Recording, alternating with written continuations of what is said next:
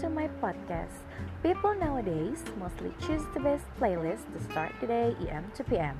For working, get to school, even chilling all day long too.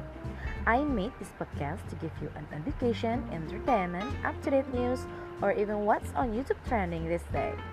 So, if you enjoy it, please share this podcast to your loved one. My name is Opie and you will hear my podcast like right now. Chill out, guys.